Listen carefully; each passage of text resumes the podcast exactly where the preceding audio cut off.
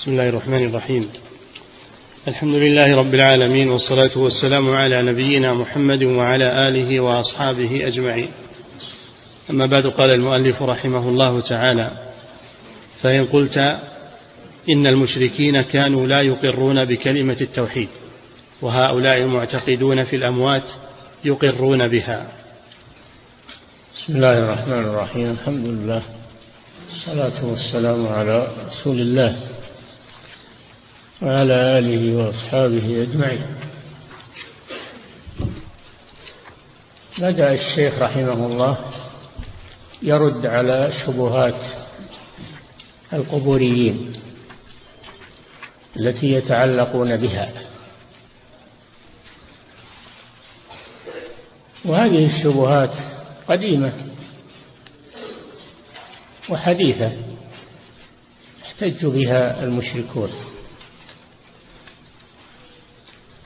قد ذكرها شيخ الإسلام محمد بن عبد الوهاب في كتاب مستقل سماه كشف الشبهات.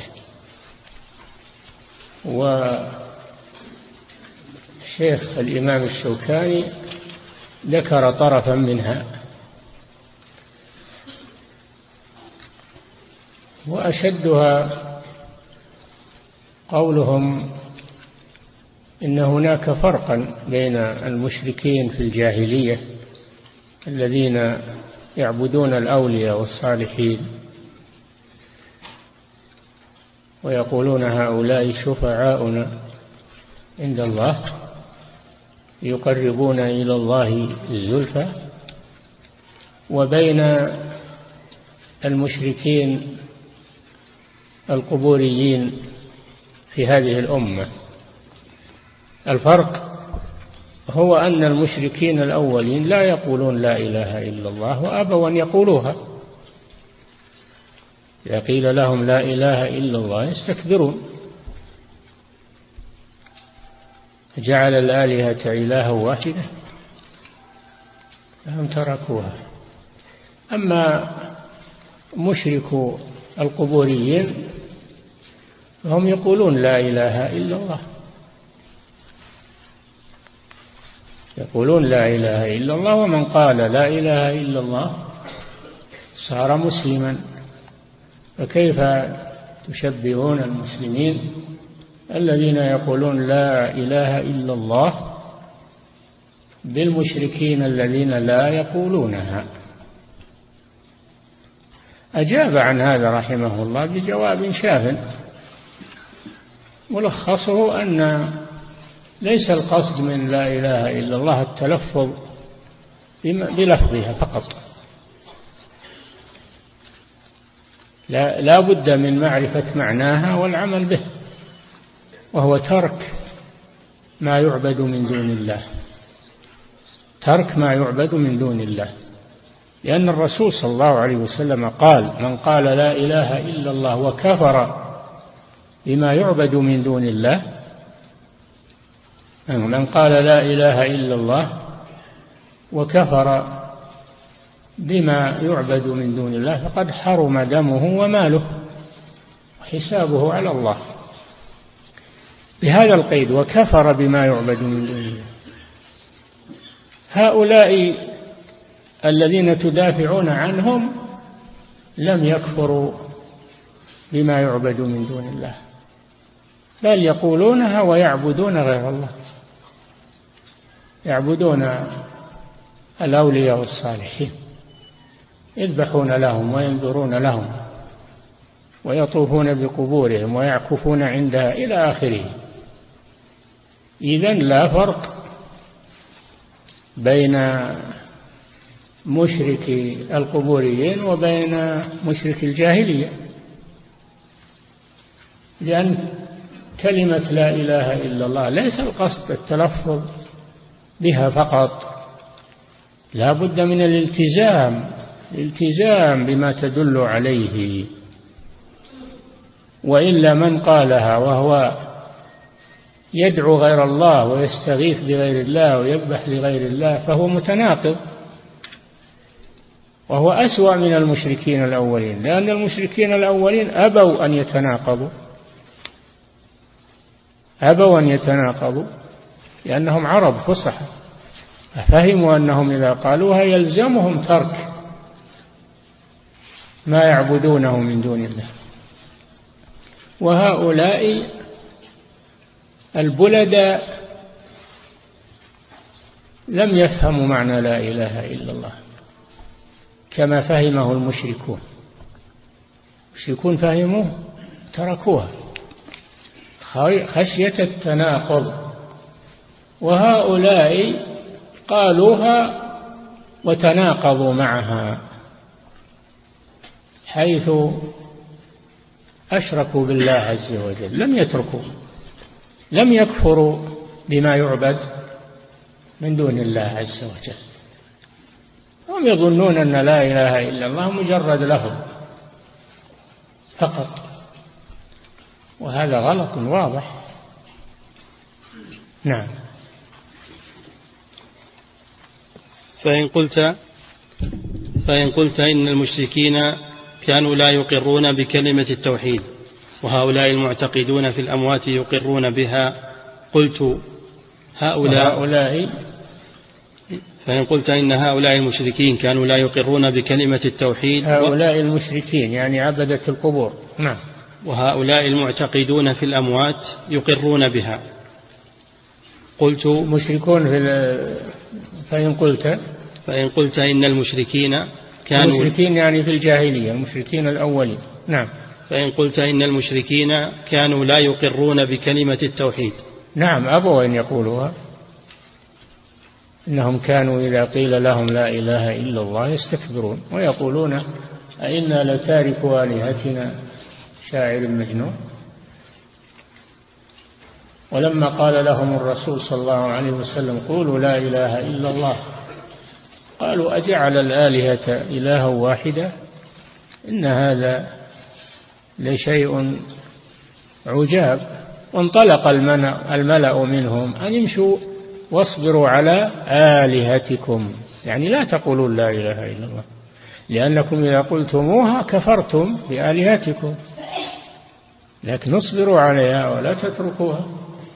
كما قال قوم نوح لا تذرن آلهتكم. ولا تذرن لأن نوحا عليه السلام دعاهم إلى عبادة الله وحده لا شريك له إلى لا إله إلا الله. قالوا لا تذرن آلهتكم. نوح يبيكم تتركون آلهتكم؟ لا. المشركون كذلك. قالوا لا تتركوا آلهتكم لأنكم إذا قلتم لا إله إلا الله لزمكم أن تتركوا آلهتكم وأن تفردوا الله بالعبادة. نعم.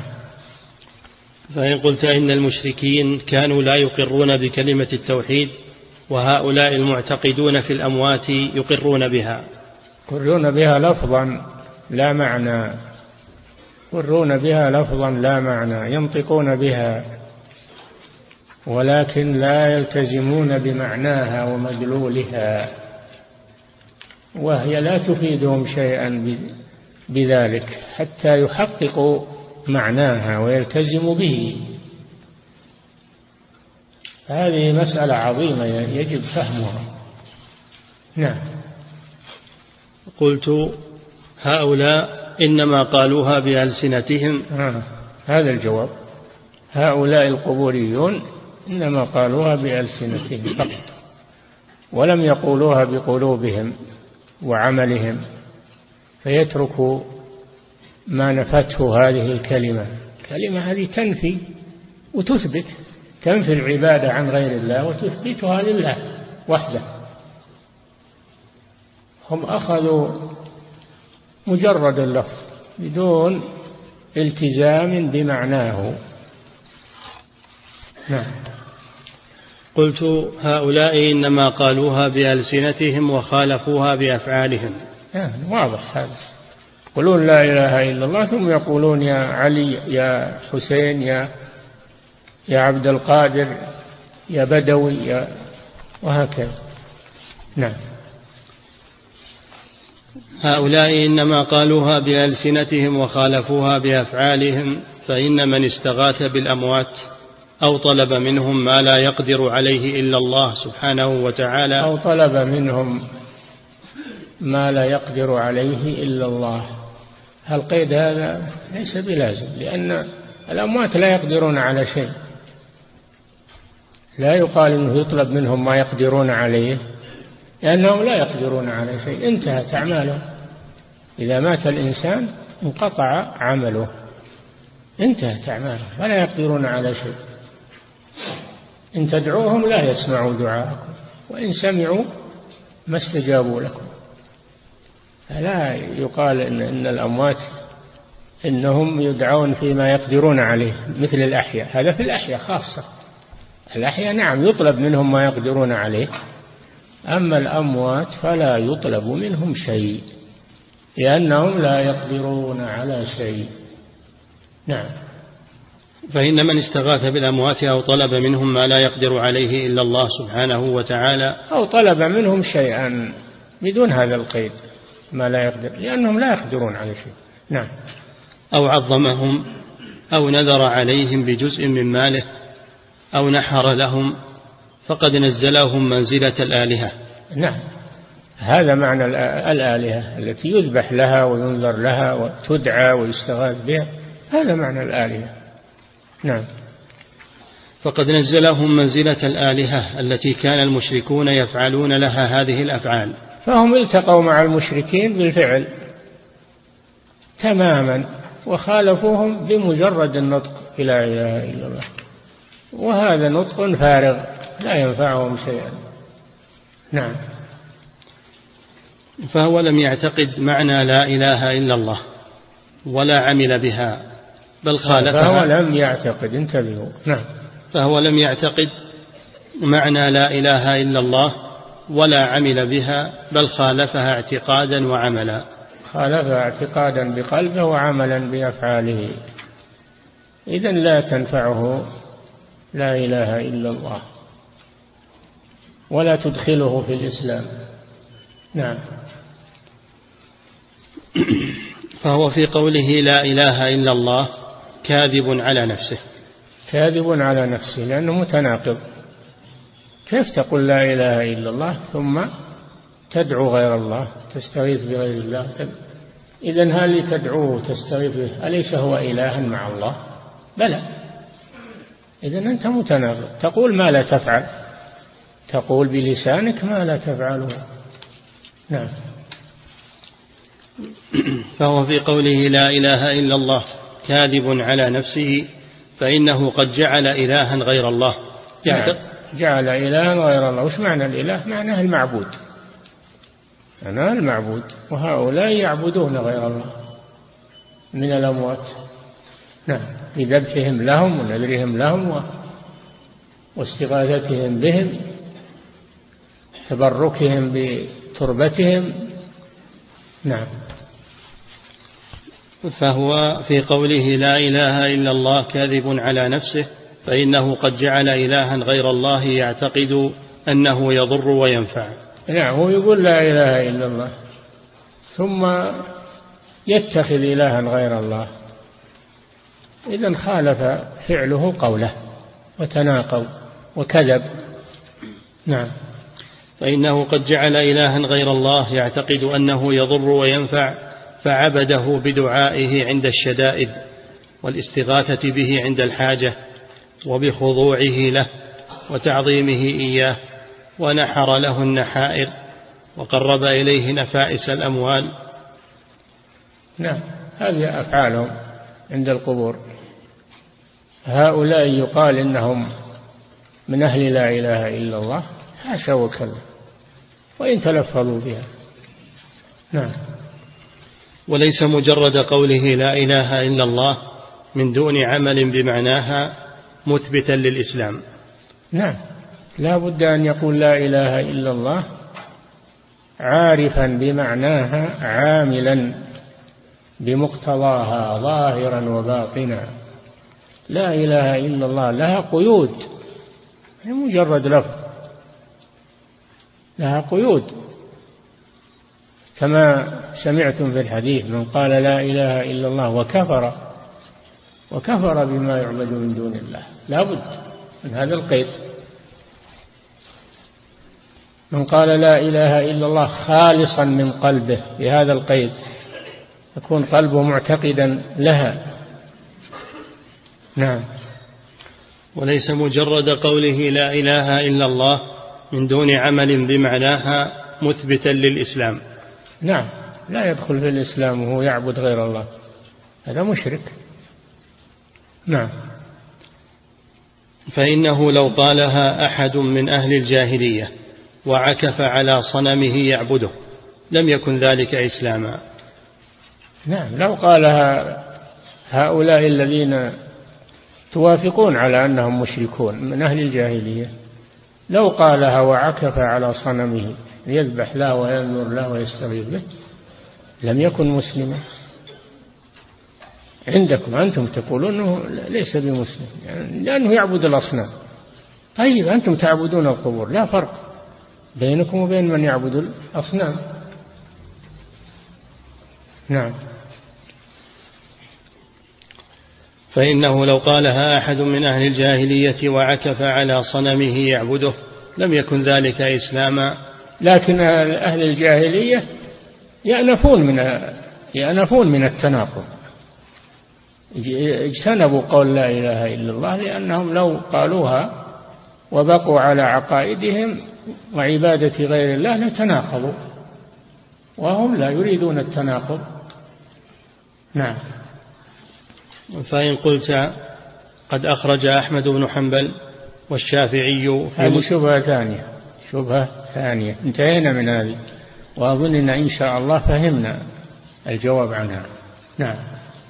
فإن قلت قد أخرج أحمد بن حنبل والشافعي في مسنديهما من حديث عبد الله بن عدي بن الخيار أن رجلا من الأنصار حدثه أنه أتى النبي صلى الله عليه وسلم وهو في مجلسه فساره ليستأذنه في قتل رجل من المنافقين فجهر رسول الله صلى الله عليه وسلم فقال أليس يشهد أن لا إله إلا الله؟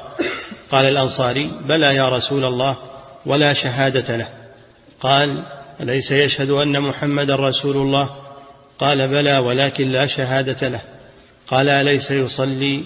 قال بلى ولا صلاة له. قال أولئك الذين نهاني الله عن قتلهم. نعم فالأنصاري يقول لا شهادة له لا صلاة له. ليه؟ مع أنه يقول لا إله إلا الله. لأنه يشرك بالله. لأنه يقولها بلسانه فقط. ولا يتجنب ما يناقضها ويبطلها.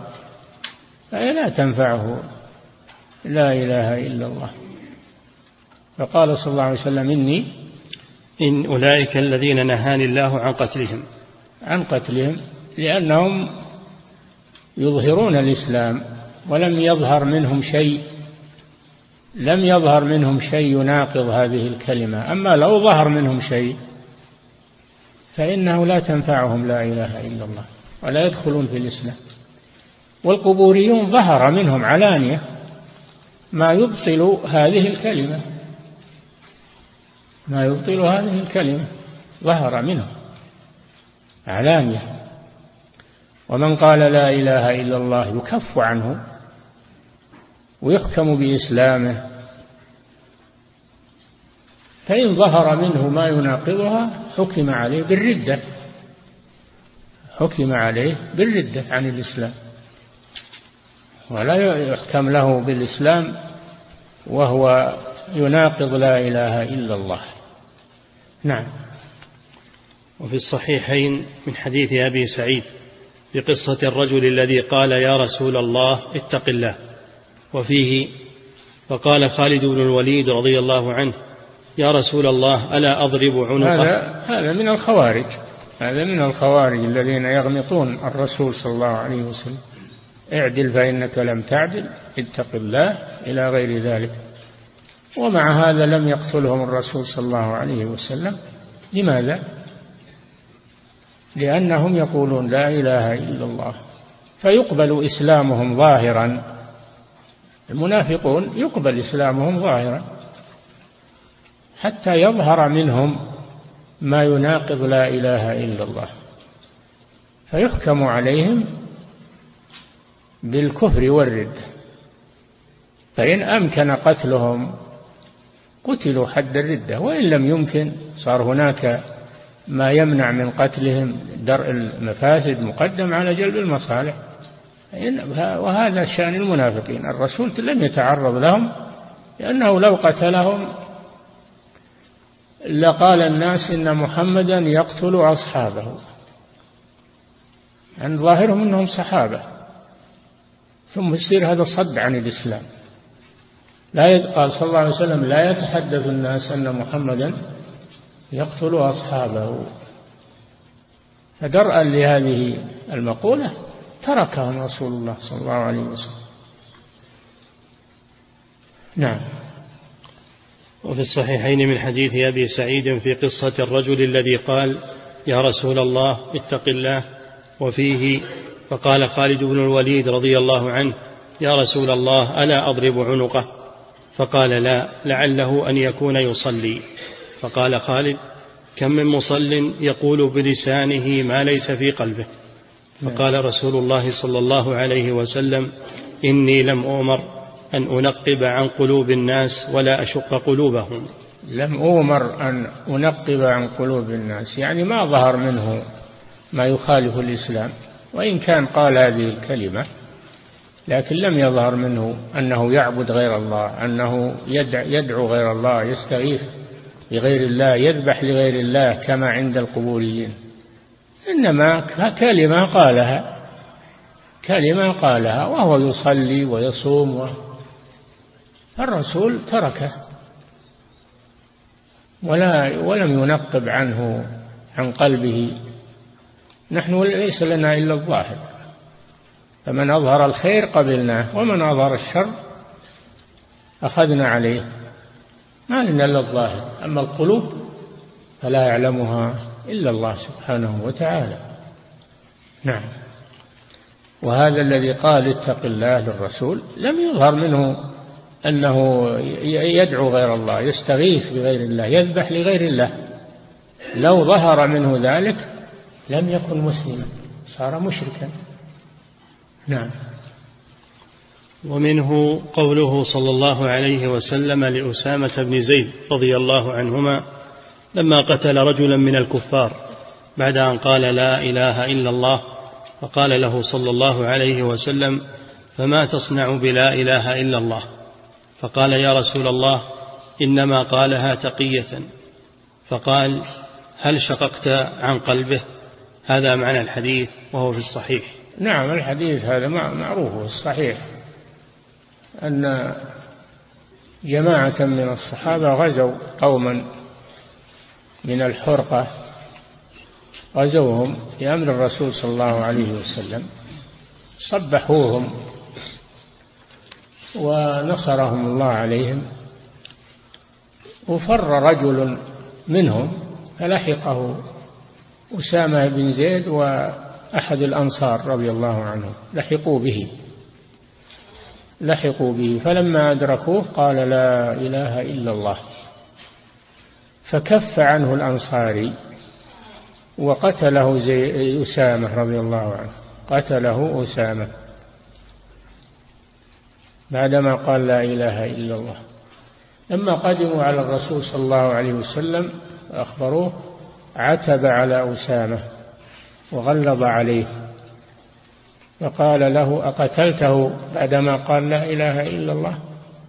قال يا رسول الله إنما قالها يتقي بها. السيف. قال هلا شققت عن قلبه ماذا تصنع بلا إله إلا الله إذا جاءت يوم القيامة؟ فما زال يرددها حتى قال حتى قال سعيد حتى قال أسامة تمنيت أني لم أسلم قبل ذلك من ندمه على ما فعل. وهذا على القاعدة أن من قال لا إله إلا الله يكف عنه. ويحكم بإسلامه. فإن تبين منه ما يناقض لا إله إلا الله حكم بكفره. وهذا هو الحاصل من عباد القبور. أنهم يقولونها لكن يظهر منهم من تصرفاتهم ما يناقض لا إله إلا الله من الذبح لغير الله والنذر لغير الله والاستغاثة بغير الله وغير ذلك من أنواع العبادات. فهؤلاء ليسوا مثل هذا الرجل الذي قتله أسامة. الرجل الذي قتله أسامة لم يظهر منه شيء. استعجل أسامة رضي الله عنه وقتله. ولم يظهر منه ما يناقض لا إله إلا الله. وهذه قاعدة عظيمة أن من قال لا إله إلا الله يكف عنه ويدخل في الإسلام يحكم بإسلامه فإن تبين منه ما يناقضها حكم بردته. وأجري عليه الحكم الشرعي. هذه قاعدة عظيمة في الإسلام. نعم. قلت لا شك هذا الجواب. هذا الجواب عن هذه الوقائع والأحاديث. نعم. قلت لا شك أن من قال لا إله إلا الله ولم يتبين من أفعاله ما يخالف معنى التوحيد فهو مسلم محقون الدم والمال. نعم. إذا جاء بأركان الإسلام المذكورة في حديث أمرت أن أقاتل الناس حتى يقولوا لا إله إلا الله ويقيموا الصلاة ويؤتوا الزكاة ويحج البيت ويصوموا رمضان. شوف ما اكتفى صلى الله عليه وسلم بقولهم لا إله إلا الله. قال حتى يقولوا لا إله إلا الله ويقيموا الصلاة ويؤتوا الزكاة ويصوموا رمضان ويحجوا يأتون بأركان الإسلام. أما لو أنهم قالوا لا إله إلا الله وأبوا أن يصلوا أبوا أن يدفعوا الزكاة أبوا أن يصوموا رمضان أبوا أن يحجوا حجة الإسلام فإنه لا يحكم بإسلامهم لا يحكم ببقائهم على الإسلام يحكم بأنهم مرتدون. نعم. وهكذا من قال لا إله إلا الله متشهدا بها شهادة الإسلام ولم يكن قد مضى عليه من الوقت ما يجب فيه شيء من أركان الإسلام فالواجب حمله على الإسلام عملا بما أقر به لسانه وأخبر به من أراد قتاله ولهذا نعم إذا قالها فإنه ينتظر فيه ينتظر فيه ما يبادر. ينتظر فيه. فإن استقام عليها وأقام الصلاة وآتى الزكاة صام صلى وحج بيت الله مع الاستطاعة فهو مسلم.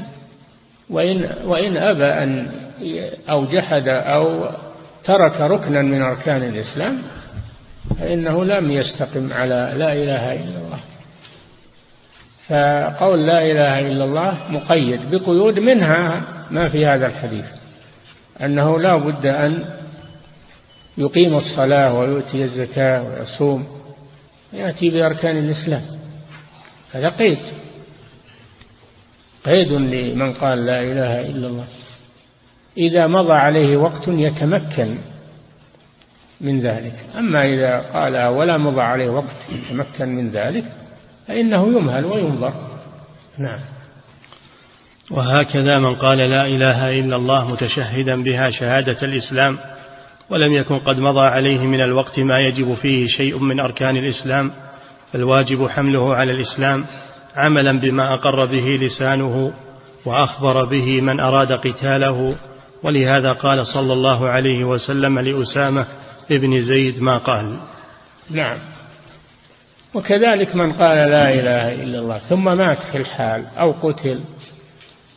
مات في الحال أو قتل ولم يتمكن من العمل فإنه يحكم بإسلامه ويعامل معاملة المسلمين. يغسل ويكفن ويصلى عليه ويدفن في مقابر المسلمين. لأنه لم يتمكن من العمل بعدما قال لا إله إلا الله مات أو قتل. فنحكم بإسلامه ونعامله معاملة المسلمين. نعم. وأما من تكلم بكلمة التوحيد وفعل أفعالا تخالف التوحيد كاعتقاد هؤلاء المعتقدين في الأموات فلا ريب أنه قد تبين من حالهم خلاف ما حكته ألسنتهم من نعم. إقرار. نعم. أما من قال لا إله إلا الله وخالفها بأفعاله بالشرك بالله الذبح لغير الله النذر لغير الله الاستغاثة بالأموات الدعاء للأموات. فهذا كاذب في قوله لا إله إلا الله مناقض مناقض لها. ليست لا إله إلا الله مجرد لفظ يقال بدون التزام وعمل. نعم. وأما من تكلم بكلمة التوحيد وفعل أفعالا تخالف التوحيد فعل أفعالا تخالف التوحيد مثل الشرك بالله. أو ترك أركان الإسلام. يقول لا إله إلا الله لكنه ما يصلي. يقول لا إله إلا الله لكنه يمنع الزكاة ولا يزكي. إلى آخره. هذا ليس بمسلم. نعم. وأما من تكلم بكلمة التوحيد وفعل افعالا تخالف التوحيد كاعتقاد هؤلاء المعتقدين في الأموات. فلا ريب أنه قد تبين من حالهم خلاف ما حكته السنتهم من إقرارهم بالتوحيد. نعم. وكذلك لو تركوا أركان الإسلام لو تركوها من غير عذر شرعي فإنهم لا ليسوا مسلمين. نعم. ولو كان مجرد التكلم بكلمة ولو كان مجرد التكلم بكلمة التوحيد موجبا للدخول في الإسلام والخروج من الكفر سواء فعل المتكلم بها ما يطابق التوحيد أو يخالفه لكانت نافعة لليهود. لكانت أيضا جواب آخر. لو كان مجرد النطق بلا إله إلا الله يكفي ولو فعل ما فعل من المخالفات لها والمناقضات لها لنفعت اليهود والنصارى لأنهم يقولون لا إله إلا الله. اليهود يقولون لا إله إلا الله النصارى يقولون لا إله لكن مع ذلك يقولون عزير ابن الله مسيح ابن الله الله ثالث ثلاثة. ما ينفعهم قول لا إله إلا الله مع هذه المقالات والاعتقادات.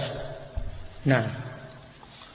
ولو كان مجرد التكلم بكلمة التوحيد موجبا للدخول في الإسلام والخروج من الكفر سواء فعل المتكلم بها ما يطابق التوحيد أو يخالفه لكانت نافعة لليهود مع أنهم يقولون عزير ابن الله وللنصارى مع أنهم يقولون المسيح ابن الله. لكانت نافعة لكانت نافعة لليهود مع أنهم يقولون عزير ابن الله. وعزير هذا من قيل إنه نبي من أنبياء بني إسرائيل وقيل إنه رجل صالح من بني إسرائيل. قالوا عزير ابن الله. نعم. لكانت نافعة لليهود مع أنهم يقولون عزير ابن الله وللنصارى مع أنهم يقولون المسيح ابن الله وللمنافقين. مع أنهم يكذبون بالدين ويقولون بألسنتهم ما ليس في قلوبهم. ولكان المنافقون مؤمنين حقا يدخلون الجنة مع أن الله قال فيهم إن المنافقين في الدرك الأسفل من النار. وقال إن الله جامع المنافقين والكافرين. إن الله جامع المنافقين والكافرين في جهنم جميعا. وهم يقولون لا إله إلا الله. المنافقون يقولون لا إله إلا الله بل يصلون مع المسلمين ويزكون ويجاهدون مع المسلمين ظاهرا وقلوبهم منكرة والعياذ بالله. يقولون بأفواههم ما ليس في قلوبهم. ليسوا مسلمين بل هم أشر الكفار تحت تحت الكفار في جهنم. نعم. وجميع هذه الطوائف الثلاث يتكلمون بكلمة التوحيد. اللي هم اليهود النصارى المنافقون يتكلمون بكلمة التوحيد لكن يخالفونها. نعم. بل بل لم تنفع بل لم تنفع الخوارج فإنهم من أكمل الناس توحيدا وأكثرهم عبادة وهم كلاب النار. الخوارج قوم خرجوا على علي بن أبي طالب رضي الله عنه وكفروه وكفروا الصحابة واستحلوا دماء المسلمين فقاتلهم علي رضي الله عنه بأمر الرسول صلى الله عليه وسلم. قاتلهم علي قتل منهم خلقا كثيرا وخضد شوكتهم رضي الله عنه وأبطل كيدهم. وهكذا كل ما ظهر لهم قرن قطع إلى أن تقوم الساعة وهم يكفرون المسلمين ويقاتلون المسلمين ولا يقاتلون الكفار. في الحديث الصحيح يقاتلون أهل الإسلام يقاتلون أهل الإيمان ويدعون أهل الأوثان. ما تجد الخوارج قاتلوا الكفار أبدا وإنما يقاتلون المسلمين. كما أخبر عنهم رسول الله صلى الله عليه وسلم. وجاء في الحديث أنهم كلاب النار. مع أنهم يشهدون لا إله إلا الله وأن محمد رسول الله. ويتشددون في العبادة. يقول الرسول صلى الله عليه وسلم تحقرون صلاتكم إلى صلاتهم آه، وتحقرون عبادتكم إلى عبادتهم ويقرؤون القرآن ويرددونه ولا يتجاوز حناجرهم كما قال النبي صلى الله عليه وسلم. مع أنهم يقولون لا إله إلا الله ما نفعتهم لا إله إلا الله لما خالفوها ولم يلتزموا بها.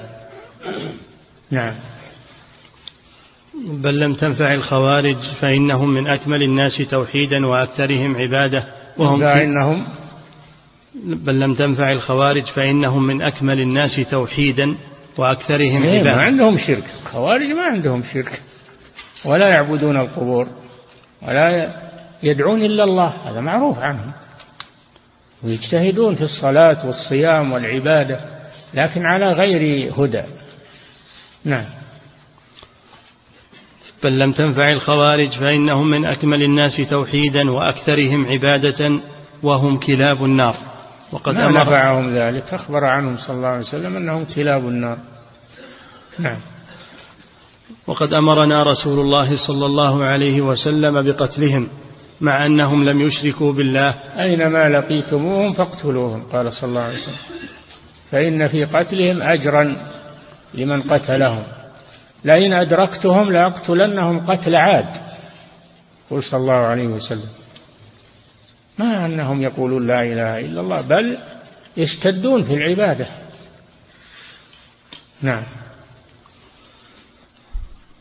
وقد أمرنا رسول الله صلى الله عليه وسلم بقتلهم مع أنهم لم يشركوا بالله ولا خالفوا معنى لا إله إلا الله بل وحدوا توحيده. وكذلك المانعون للزكاة. هم موحدون. المانعون للزكاة. هذا مثال آخر في عهد أبي بكر. لما مات رسول الله صلى الله عليه وسلم ارتدت فئام من العرب ومنهم مانع الزكاة. قالوا إن الله قال خذ من أموالهم صدقة تطهرهم تزكيهم بها هذا خطاب للرسول وقد توفي. إذا ما ندفع الزكاة لغير الرسول. انتهى وقت الزكاة. بموت الرسول صلى الله عليه وسلم. فعزم أبو بكر الصديق رضي الله عنه على قتالهم. فجادله عمر وغيره من الصحابة. كيف تقاتلهم وهم يقولون لا إله إلا الله؟ قال الرسول صلى الله عليه وسلم قال من قال لا إله إلا الله عصم دمه ومال إلا بحقه وإن الزكاة من حقها إلا بحقها والزكاة من حقها من حق لا إله إلا الله وهي ركن من أركان الإسلام. وقال والله لا أقاتلن من فرق بين الصلاة والزكاة. وقال والله لو منعوني عناقا أو عقالا يؤدونه إلى رسول الله صلى الله عليه وسلم لقاتلتهم عليه. فما كان من عمر والصحابة إلا أن اقتنعوا وقاتلوا مع خليفة رسول الله مع أبي بكر الصديق. قاتلوا مانع الزكاة. وهم يقولون لا إله إلا الله بل يصلون. لكن منعوا ركنا من أركان الإسلام. قاتلهم. الصديق حتى قتلهم وراح المسلمين من شرهم. نعم. فهذا دليل على أنه لا يكفي قول لا إله إلا الله ولا يكفي بعض أداء ولا يكفي أداء بعض أركان الإسلام وترك البعض الآخر. لا يكفي هذا. نعم. وكذلك المانعون للزكاة هم موحدون لم يشركوا ولكنهم تركوا ركنا من أركان الإسلام. ما يدعون غير الله ولا استغاثوا بغير الله ولا ذبحوا لغير الله. لكنهم منعوا الزكاة. ركنا من أركان الإسلام. نعم. ولهذا أجمعت الصحابة رضي الله عنهم على قتالهم. نعم. لما أقنعهم الصديق في ذلك وذكر لهم الأدلة اقتنعوا وسلموا وجاهدوا مع الصديق رضي الله عنه. نعم. ولهذا أجمعت الصحابة رضي الله عنهم على قتلهم بل دل الدليل الصحيح المتواتر على ذلك وهو الأحاديث الواردة بألفاظ منها أمرت أن أقاتل الناس حتى يقولوا لا إله إلا الله ويقيموا الصلاة ويؤتوا الزكاة. ويقيم هذا قيد. ويقيموا الصلاة ويؤتوا الزكاة. ما قال حتى يقولوا لا إله إلا الله ووقف عند هذا. نعم. أمرت أن أقاتل الناس حتى يقولوا لا إله إلا الله ويقيموا الصلاة ويؤتوا الزكاة ويحجوا البيت ويصوموا رمضان. فإذا فعلوا ذلك فقد عصموا مني دماءهم وأموالهم إلا بحقها. إلا بحقها. لو فعلوا شيئا يخالف حق لا إله إلا الله وجب قتالهم. والزكاة من حقها الصلاة من حقها الصيام صيام رمضان من حقها حج بيت الله الحرام من حقها. ولله على الناس حج البيت من استطاع إليه سبيلا ومن كفر فإن الله غني عن العالمين. فالذي يترك الحج وهو يقدر عليه متعمدا يعتبر كافرا لأنه ترك ركنا من أركان الإسلام. وإن كان يقول لا إله إلا الله نعم. فالإسلام لا يتجزأ الإسلام وحده كاملة. يا أيها الذين آمنوا ادخلوا في السلم كافة أي الإسلام. السلم يعني الإسلام. ادخلوا فيه كافة ما تأخذون بعضه وتتركون. بعضه نعم. فمن ترك إحدى هذه الخمس لم يكن معصوم الدم ولا المال. لم فمن ترك إحدى هذه الخمس لم يعني يكن أركان الإسلام الخمسة نعم. فمن ترك إحدى هذه الخمس لم يكن معصوم الدم ولا الماء وأيهما أشد؟ أيهما أشد؟ الذي يذبح وينذر لغير الله ويستغيث بغير الله أو الذي يمنع الزكاة؟ وهو يوحد الله ويفرده بالعبادة.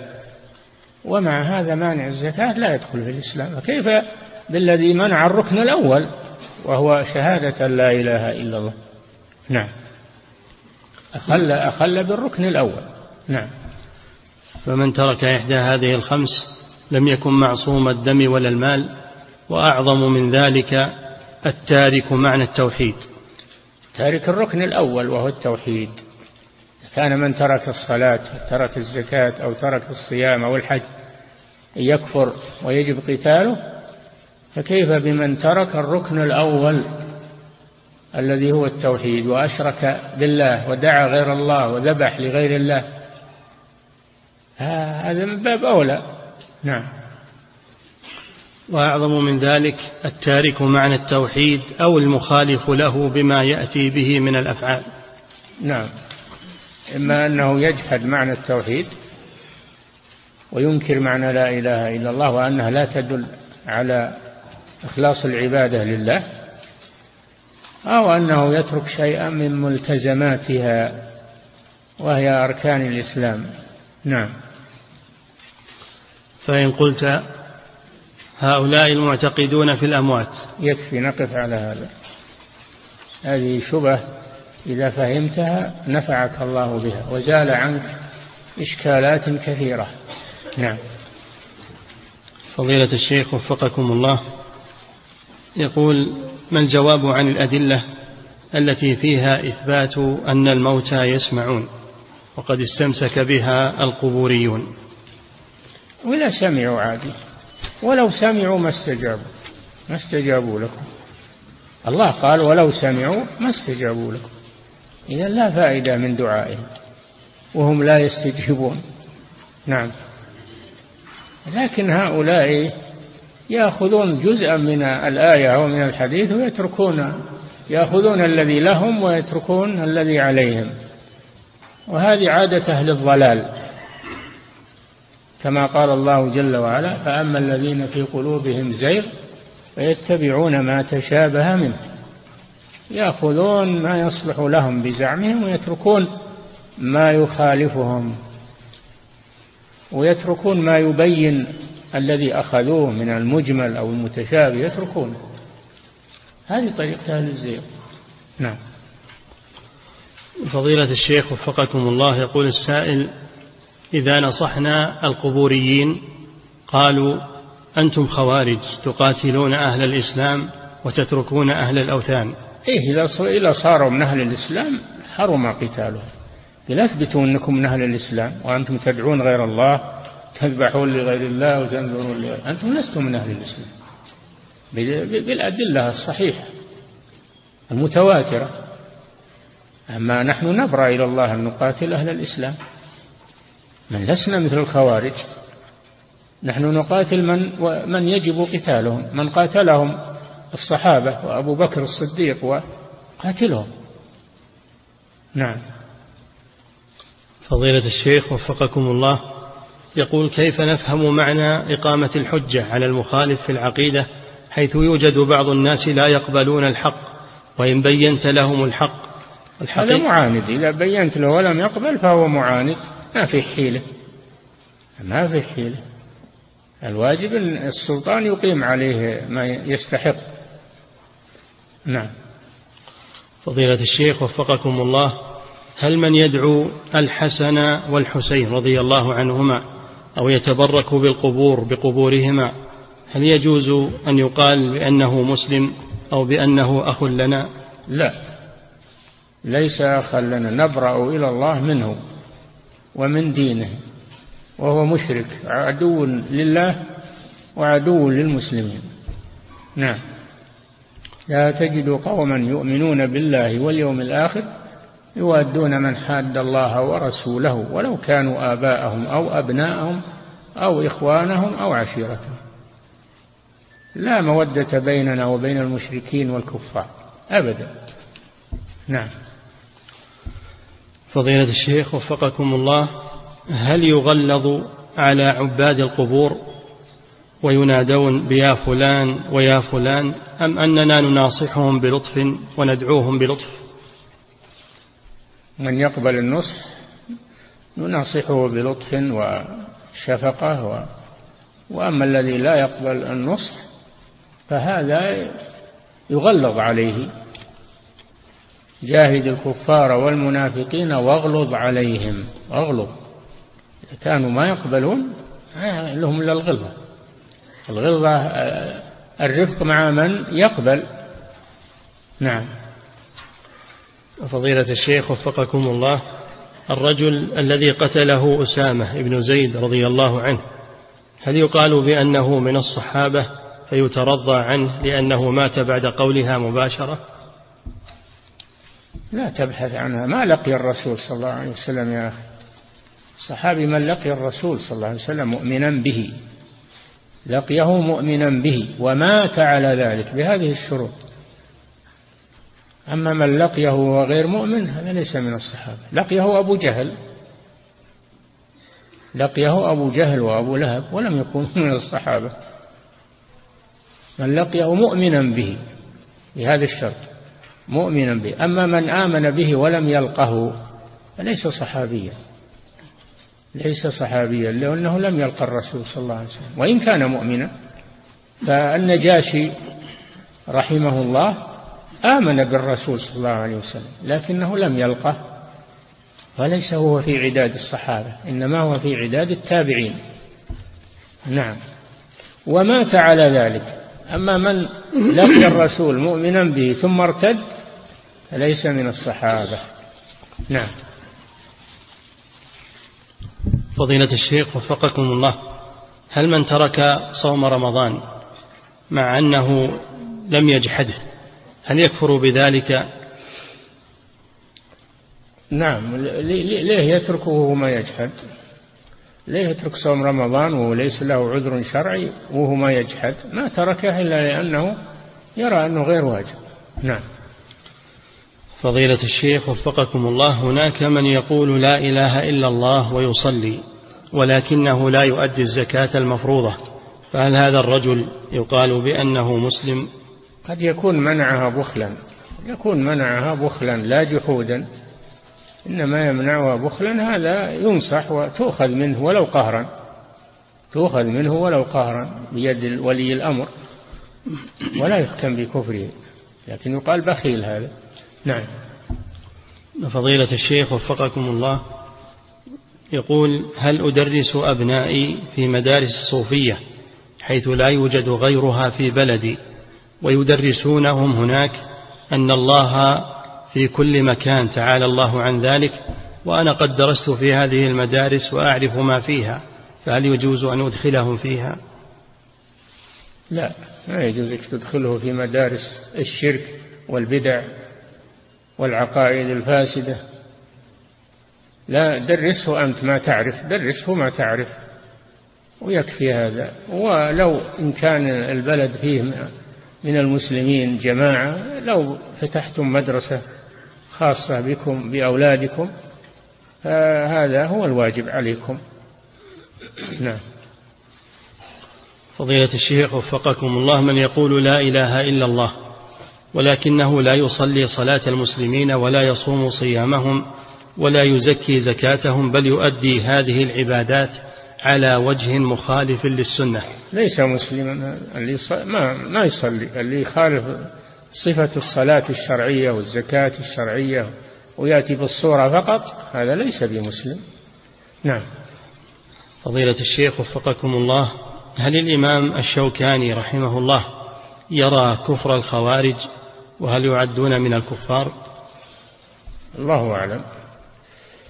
ما وقفت على كلام له في تكفير الخوارج إنما يذكر لكم فعل الصحابة معهم والنصوص التي دلت على التغليظ عليهم وقتالهم. نعم. وما يهمنا هذا تكفيرهم أو عدم تكفيرهم هذا لا يهمنا. يهمنا معرفة مذهبهم وما هم عليه. نعم. فضيلة الشيخ وفقكم الله هل من أقيم عليه الحد لأنه ساحر أو مرتد فنطق بلا إله إلا الله قبل إقامة الحد عليه. هل يصلى عليه ويدفن في مقابر المسلمين؟ لا يعامل معاملة المرتد. ولكن فيما بينه وبين الله إن كانت توبته صحيحة الله أعلم بها. نكل أمره إلى الله. أما نحن فنقيم عليه الحد ونعامله معاملة المرتد. نعم. فضيلة الشيخ وفقكم الله أليس قول الرجل الخارجي لرسول الله صلى الله عليه وسلم اتق الله ليس من الأقوال التي تناقض الإسلام؟ نعم هو قول للرسول ولذلك استنكر عليه الصحابة استأذنوا بقتله. لكن كما ذكرت لكم الرسول يدرى أمورا أشد لئلا يقال إن محمدا يقتل أصحابه. يشيع هذا ويكون هذا سببا لصد الناس عن دين الله. أو يكون لهم قبائل تثأر لهم يثورون لهم. الرسول يدرى المفاسد. نعم. فضيلة الشيخ وفقكم الله هل صحيح أن أبا بكر الصديق رضي الله عنه في قتاله للمرتدين أنه مثل بهم؟ لا. ما ما فعل هذا رضي الله عنه. نعم. فضيلة الشيخ وفقكم الله ذكرتم حفظكم الله في خطبة الجمعة الماضية أن أكل الربا أكبر الكبائر بعد الشرك بالله. نعم. فهل أكل الربا أكبر من قتل النفس؟ نعم. الله توعد على الربا ما لم يتوعد على غيره من أنواع الوعيد. فهو كبيرة عظيمة. نعم.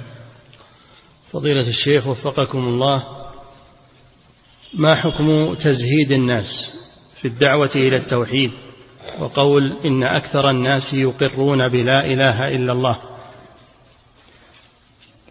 هذا صد عن سبيل الله. الذي زهد الناس في الدعوة إلى التوحيد هذا يصد عن سبيل الله. يصد عن الدعوة إلى الله جل وعلا.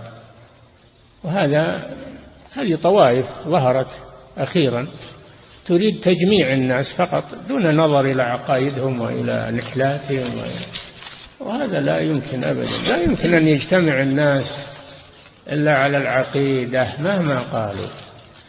قال الله جل وعلا تحسبهم جميعا وقلوبهم شتى ذلك بأنهم قوم لا يعقلون. ما يجمع الناس إلا العقيدة التي جمعت الصحابة. وجمعت الشرق والغرب وجمعت العرب والعجم تحت لا إله إلا الله. ما يمكن هذا. إذا بقوا على عقائدهم الضالة تفرقوا ولو اجتمعوا بأبدانهم. تحسبهم جميعا وقلوبهم شتى. ذلك بأنهم قوم لا يعقلون. نعم. فضيلة الشيخ وفقكم الله. هل يصح أن يقال بأن الأمور الخارقة للعادة تكون مخالفة أو مرادفة للقانون الكوني؟ كيف؟ الخوارق تكون معجزات إذا كانت على أيدي الرسل تكون كرامات إذا كانت على أيدي الأولياء تكون خوارق شيطانية إذا كانت على يد السحرة والملاحدة. هي خوارق شيطانية. ليست كرامات ولا معجزات. خوارق شيطانية يريد الشيطان أن يضلهم بها. نعم.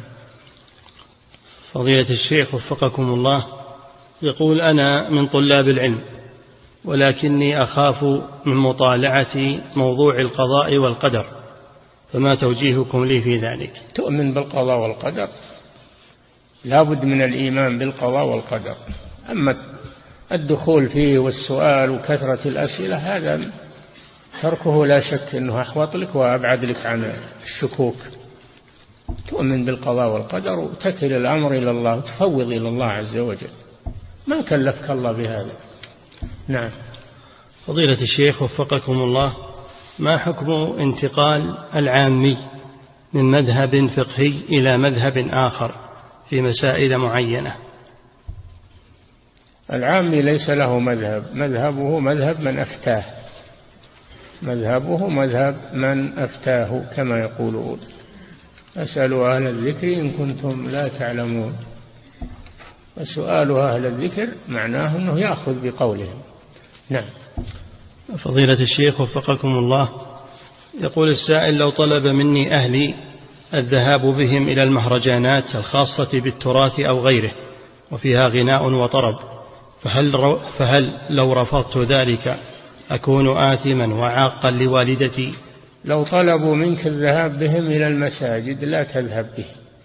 قال صلى الله عليه وسلم بيوتهن خير لهن. لا تمنعوا إماء الله مساجد الله. أنت لا تمنع لكن لا تروح بها. وبيوتهن خير لهن. فكيف تروح بهم؟ لا. للحفلات ولا التجمعات اللي فيها منكرات. لا يجوز لك هذا.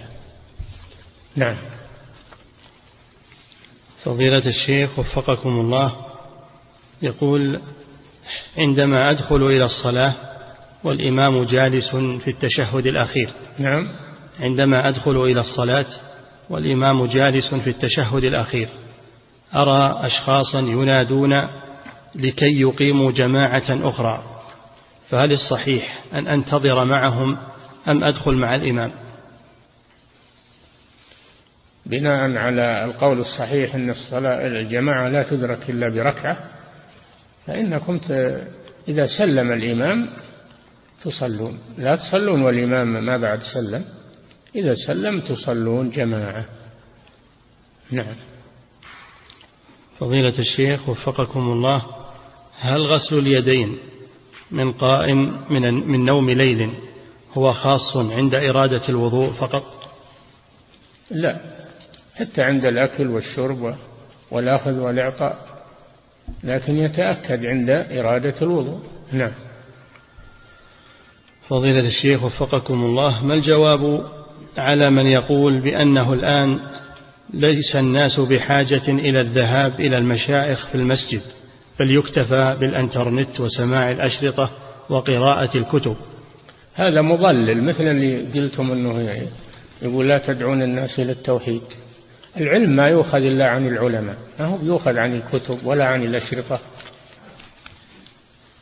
يؤخذ عن العلماء.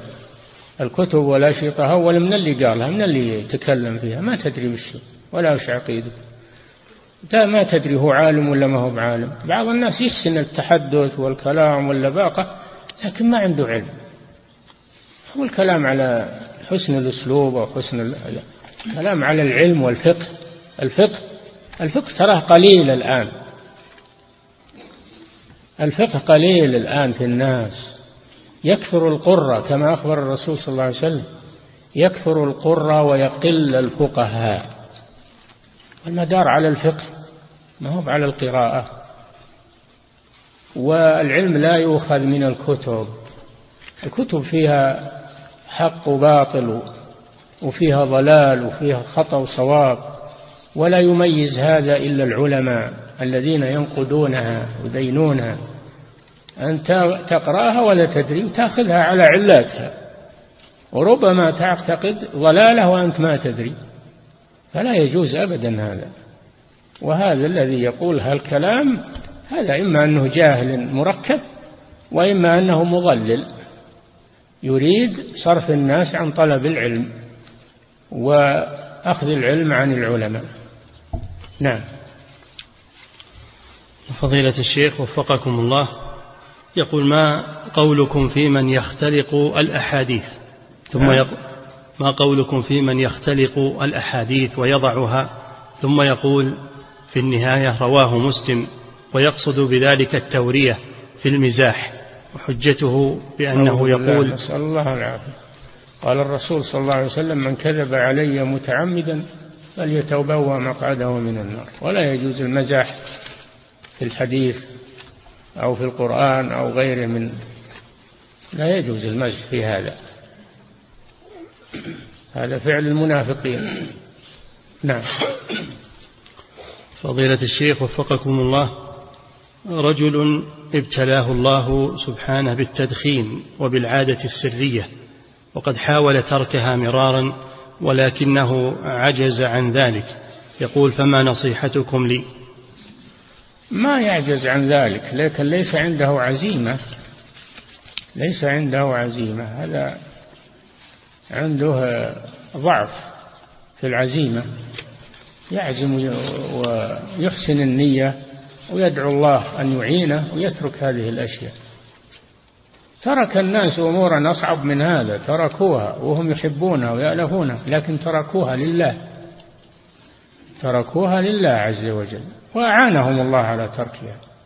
فأخلص النية لله وأعزم على تركها. أيضا ابتعد ابتعد عن أهلها. لا يروجونها عليك أو يرغبونك فيها. ابتعد عنهم. جالس أهل الصلاح والاستقامة. نعم.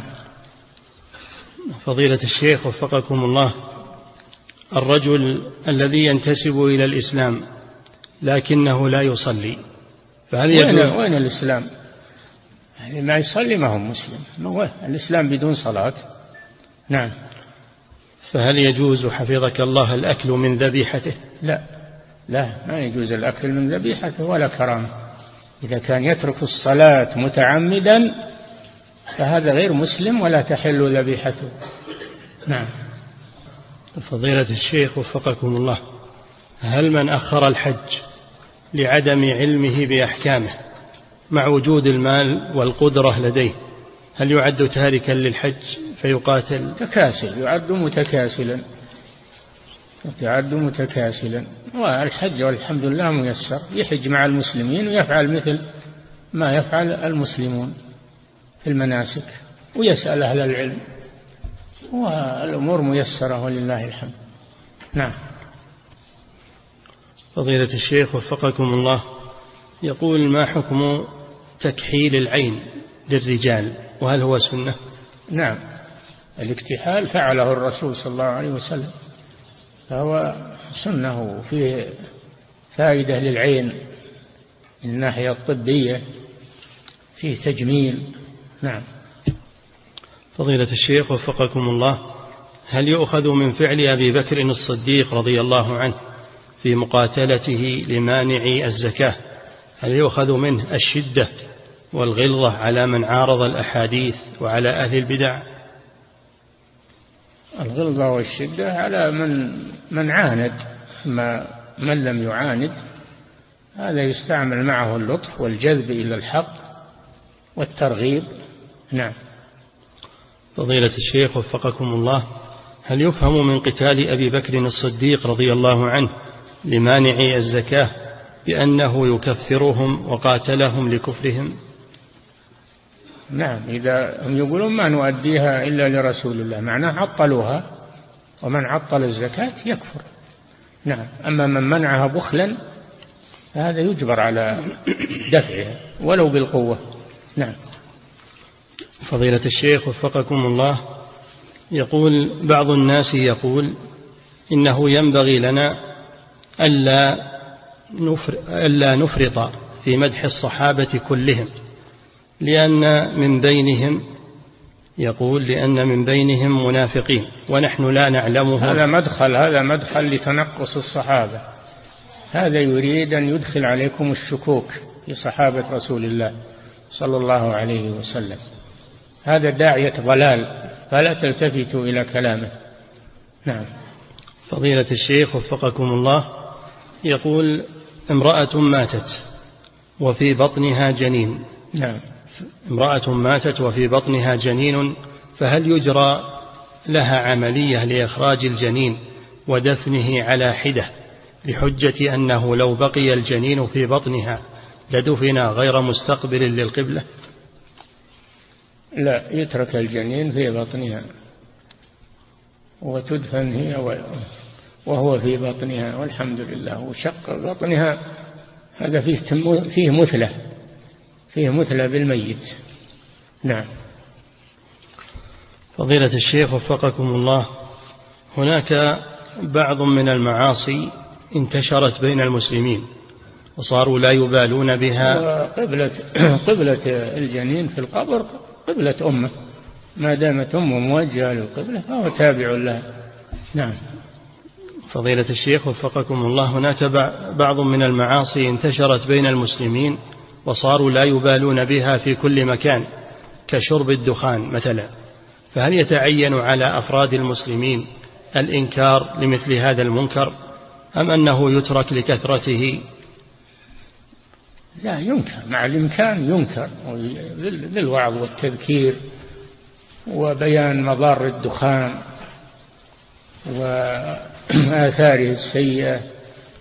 وضح لهم هذا. وإذا لم يقبلوا ولم لا تجلس معهم ابتعد عنهم لا تجالسهم نعم. فضيلة الشيخ وفقكم الله هناك بعض الشركات تحدد أجرة معينة للعامل على عمله كعشر ريالات مثلا. فإذا طلب العامل أكثر من ذلك طلبها مني ولم أعطه فهل علي شيء؟ إيش؟ هناك بعض الشركات تحدد أجرة معينة للعامل على عمله كعشر ريالات. فإذا طلب العامل أكثر من ذلك طلبها مني فلم أعطه. فهل علي شيء؟ طلبها منك أنت من الشركة. أنت عضو في الشركة ولا خارج الشركة؟ ما له إلا هو راض بهذا. هو يوم يدخل عند الشركة راض بهذا الراتب. ما أحد أجبره. راض بهذا الراتب فليس له غيره؟ نعم. فضيلة الشيخ وفقكم الله دعاء القنوت سواء كان النوازل أو في الوتر هل يبدأ بالثناء على الله وحمده وفي ختامه؟ هل يصلى على الرسول صلى الله عليه وسلم؟ نعم هذا أكمل. هذا أكمل. لا سيما ختمه بالصلاة على الرسول هذا أرجى للقبول. نعم. فضيلة الشيخ وفقكم الله رجل دخل المسجد والإمام راكع فلأجل أن يدرك الركعة ركع قبل أن يصل إلى الصف وبعد الرفع من الركوع أخذ يمشي بمقدار عشر خطوات أو أكثر كي يصل إلى الصف. فما حكم صلاته؟ هذا نهى عنه الرسول صلى الله عليه وسلم. فعله أبو بكرة رضي الله عنه ونهاه قال زادك الله حرصا ولا تعد. فلا يعمل هذا ولا يجوز هذا. امشوا عليكم السكينة كما قال الرسول صلى الله عليه وسلم. فما أدركتم فصلوا وما فاتكم فأتموا أو فقضوا. نعم. فضيلة الشيخ وفقكم الله شاب يريد أن يعقد على مخطوبته لكن والده يرفض العقد ويريد أن تكون خطبة فقط كما هو الدارج عند الناس في بلده. شاب يريد أن يعقد على خطيبته لكن والده يرفض العقد ويريد أن تكون خطبة فقط كما هو الدارج عند الناس في بلدهم. سؤاله هل له يا فضيلة الشيخ أن يعقد بدون علم والده حتى يستطيع التحدث مع خطيبته؟ ما, هو واضح السؤال. العقد هو الإيجاب والقبول. أن يقول الولي زوجتك ويقول الزوج أو وكيله قبلت هذا العقد. أما الخطبة التي قبل العقد هذه سنة ما خطبة ابن مسعود هذه سنة. هي بلازمة. نعم. فضيلة الشيخ وفقكم الله يقول هل تنطبق أحكام المسافر؟ على من جاء إلى المملكة بغرض العمل. هل تنطبق أحكام المسافر على من جاء إلى المملكة لغرض العمل علما بأن فترة عمله محددة مسبقا بعام واحد؟ هذا ليس مسافرا مسافر في الطريق ذهابا وإيابا أما وقت بقائه في المملكة للعمل سنة أو أكثر هذا مقيم وليس مسافرا. يتم الصلاة ويصوم رمضان ويأخذ أحكام المقيمين. نعم. فضيلة الشيخ وفقكم الله هل إعادة بث البرامج الدينية المباشرة بالصوت والصورة على شاشة التلفاز إعادة بثها بعد تخزينها هل هو جائز أم هو من التصوير المحرم؟ هذا على ذمة من يبثونها ويحتفظون بها. على ذمتهم نعم. فضيلة الشيخ وفقكم الله يقول ما حكم من خرج من المسجد والمؤذن يؤذن؟ إن كان لغرض ويرجع فلا حرج عليه يتوضأ يبي يكلم أحد ويرجع لا حرج عليه في ذلك. أما إذا كان لا يرجع فهذا هو محل البحث. قال صلى الله عليه وسلم قال قال أحد الصحابة عمار بن ياسر أظن الذي يخرج من المسجد بعد الأذان من من خرج فقد عصى أبا القاسم صلى الله عليه وسلم. خرج رجل بعد الأذان فقال أما هذا فقد عصى أبا القاسم صلى الله عليه وسلم. فالخروج لغير عذر لا يجوز أما لعذر لا بأس. نعم. فضيلة الشيخ وفقكم الله يقول ما هي أو أنه مرتبط بمسجد آخر يروح يصلي معهم لا بأس. نعم هذا عذر صحيح. نعم. فضيلة الشيخ وفقكم الله يقول ما هي الطرق التي تعيننا على تعظيم كتاب الله وزرع حبه في قلوب أولادنا الصغار؟ ملازمة تعلمه وتعليمه وتلاوته والارتباط به. نعم. فضيلة الشيخ وفقكم الله هل يجوز وضع نغمة الجوال صوت أذان أو تكون آية كريمة؟ لا. ما تستعمل الأذكار في الجوال من أجل المكالمة تنبيه على المكالمة. هذا امتهان للذكر امتهان للقرآن. ضع منبه ضع منبه ينبهك على المكالمة. ليس فيه نغمة ولا موسيقى ولا مجرد منبه. نعم. فضيلة الشيخ وفقكم الله رجل نام الليل ثم قام فهل يجب عليه الاستنجاء؟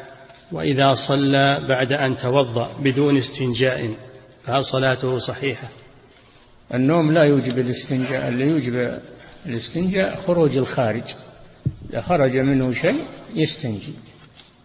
أو يستجمر أما مجرد النوم هذا لا يوجب الاستنجاء. نعم. فضيلة الشيخ وفقكم الله يقول السائل إمام مسجدنا إذا قرأ سورة الماعون فإنه يقرأ قوله تعالى فويل للمصلين يرددها مرتين. مرة يقف في آخرها والمرة الثانية يصلها بالآية التي بعدها ويفعل ذلك كلما قرأها في صلاة. فهل لذلك وجه أو أصل؟ لا وجه لذلك. لا وجه لذلك. يقرأ السورة بدون ترديد وبدون نعم. فضيلة الشيخ وفقكم الله ما الحكم لو أن الرجل الذي ظاهر من زوجته جامعها أثناء قضاء كفارة الصيام هل يستأنف الصيام أم يبني عليه؟ بلا شك أنه يستأنف لأنه أبطل صيامه لأن الله قال شهرين متتابعين وهذا قطعه فيبدأ من جديد. نعم. انتهى. قبل أن يتماس قال الله جل وعلا صيام شهرين متتابعين من قبل أن يتماس. نعم.